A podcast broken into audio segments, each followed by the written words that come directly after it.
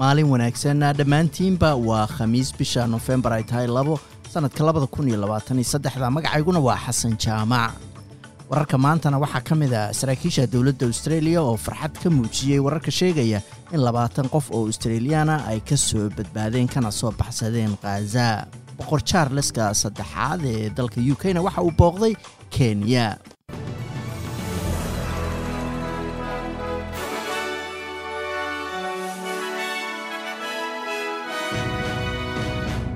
labaatan qof oo australiyaana ayay u suurto gashay inay ka soo baxsadaan dagaalka ka soconaya khaza iyagoo soo maray xadka raaxa la yidhaahdo oo u dhexeeya masar iyo khaza waxayna u mahad celiyeen dhammaan dadkii ka qayb qaatay siday uga soo baxsan lahaayeen goobaha dagaalka wasiiradda arrimaha dibadda dalkan australia penny wong ayaa sheegtay inay ku faraxsan tahay in dadkaas australiyaanka ay ka soo baxsadaan dagaalka. Dhanka kalena ku-xigeenada hogaamiyaha mucaaradka susan lee ayaa ammaantay dadaalka diblomaasiyiinta australiyaanka ee iyagu soo caawiyey labaatankaas qof inay ka soo baxsadaan dagaalka ka socda khaza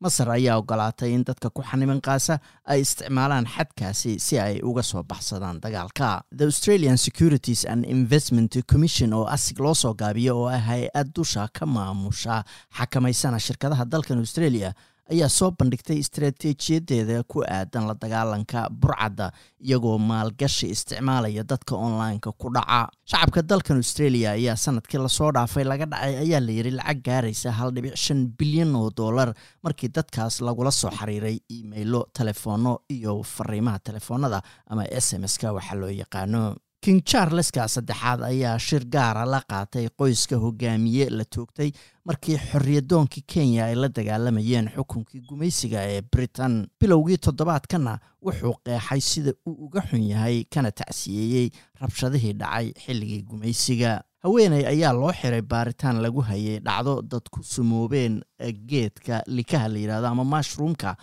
dhacdadaas oo saddex qof ay ku dhinteen haweenaydan oo afartan iyo sagaal jira erin patterson ayay xireen cutubka booliska ee baara dadka la dilay iyagoo ku qabtay gurigeeda oo ku yaalla leongata sideedii subaxnimo saaka oo khamiis ahayd. Nin reer melbana ayaa la filayaa inuu noqdo qofkii ugu horreeyey oo lagu soo oogo dacwo iyadoo la isticmaalayo sharciga cusub ee victoria looga mamnuucay salaanta naadsiga iyo weliba astaamaha naadsiyiinta booliska dembiyada baara ayaa waraysi ka qaaday ninkan oo labaatan iyo afar jira kadib markii lagu soo eedeeyey inuu taagay astaantaasi naadsiyiinta ee la mamnuucay. Saadaasha hawada berita oo jimcaha magaalada melbourne waa qayb ahaan daruur iyo lix iyo toban digri sydneyna waa daruur iyo kow iyo labaatan halka australian dollar maanta waxaa lagu sarifayay lixdan iyo afar senti oo lacagta maraykanka ah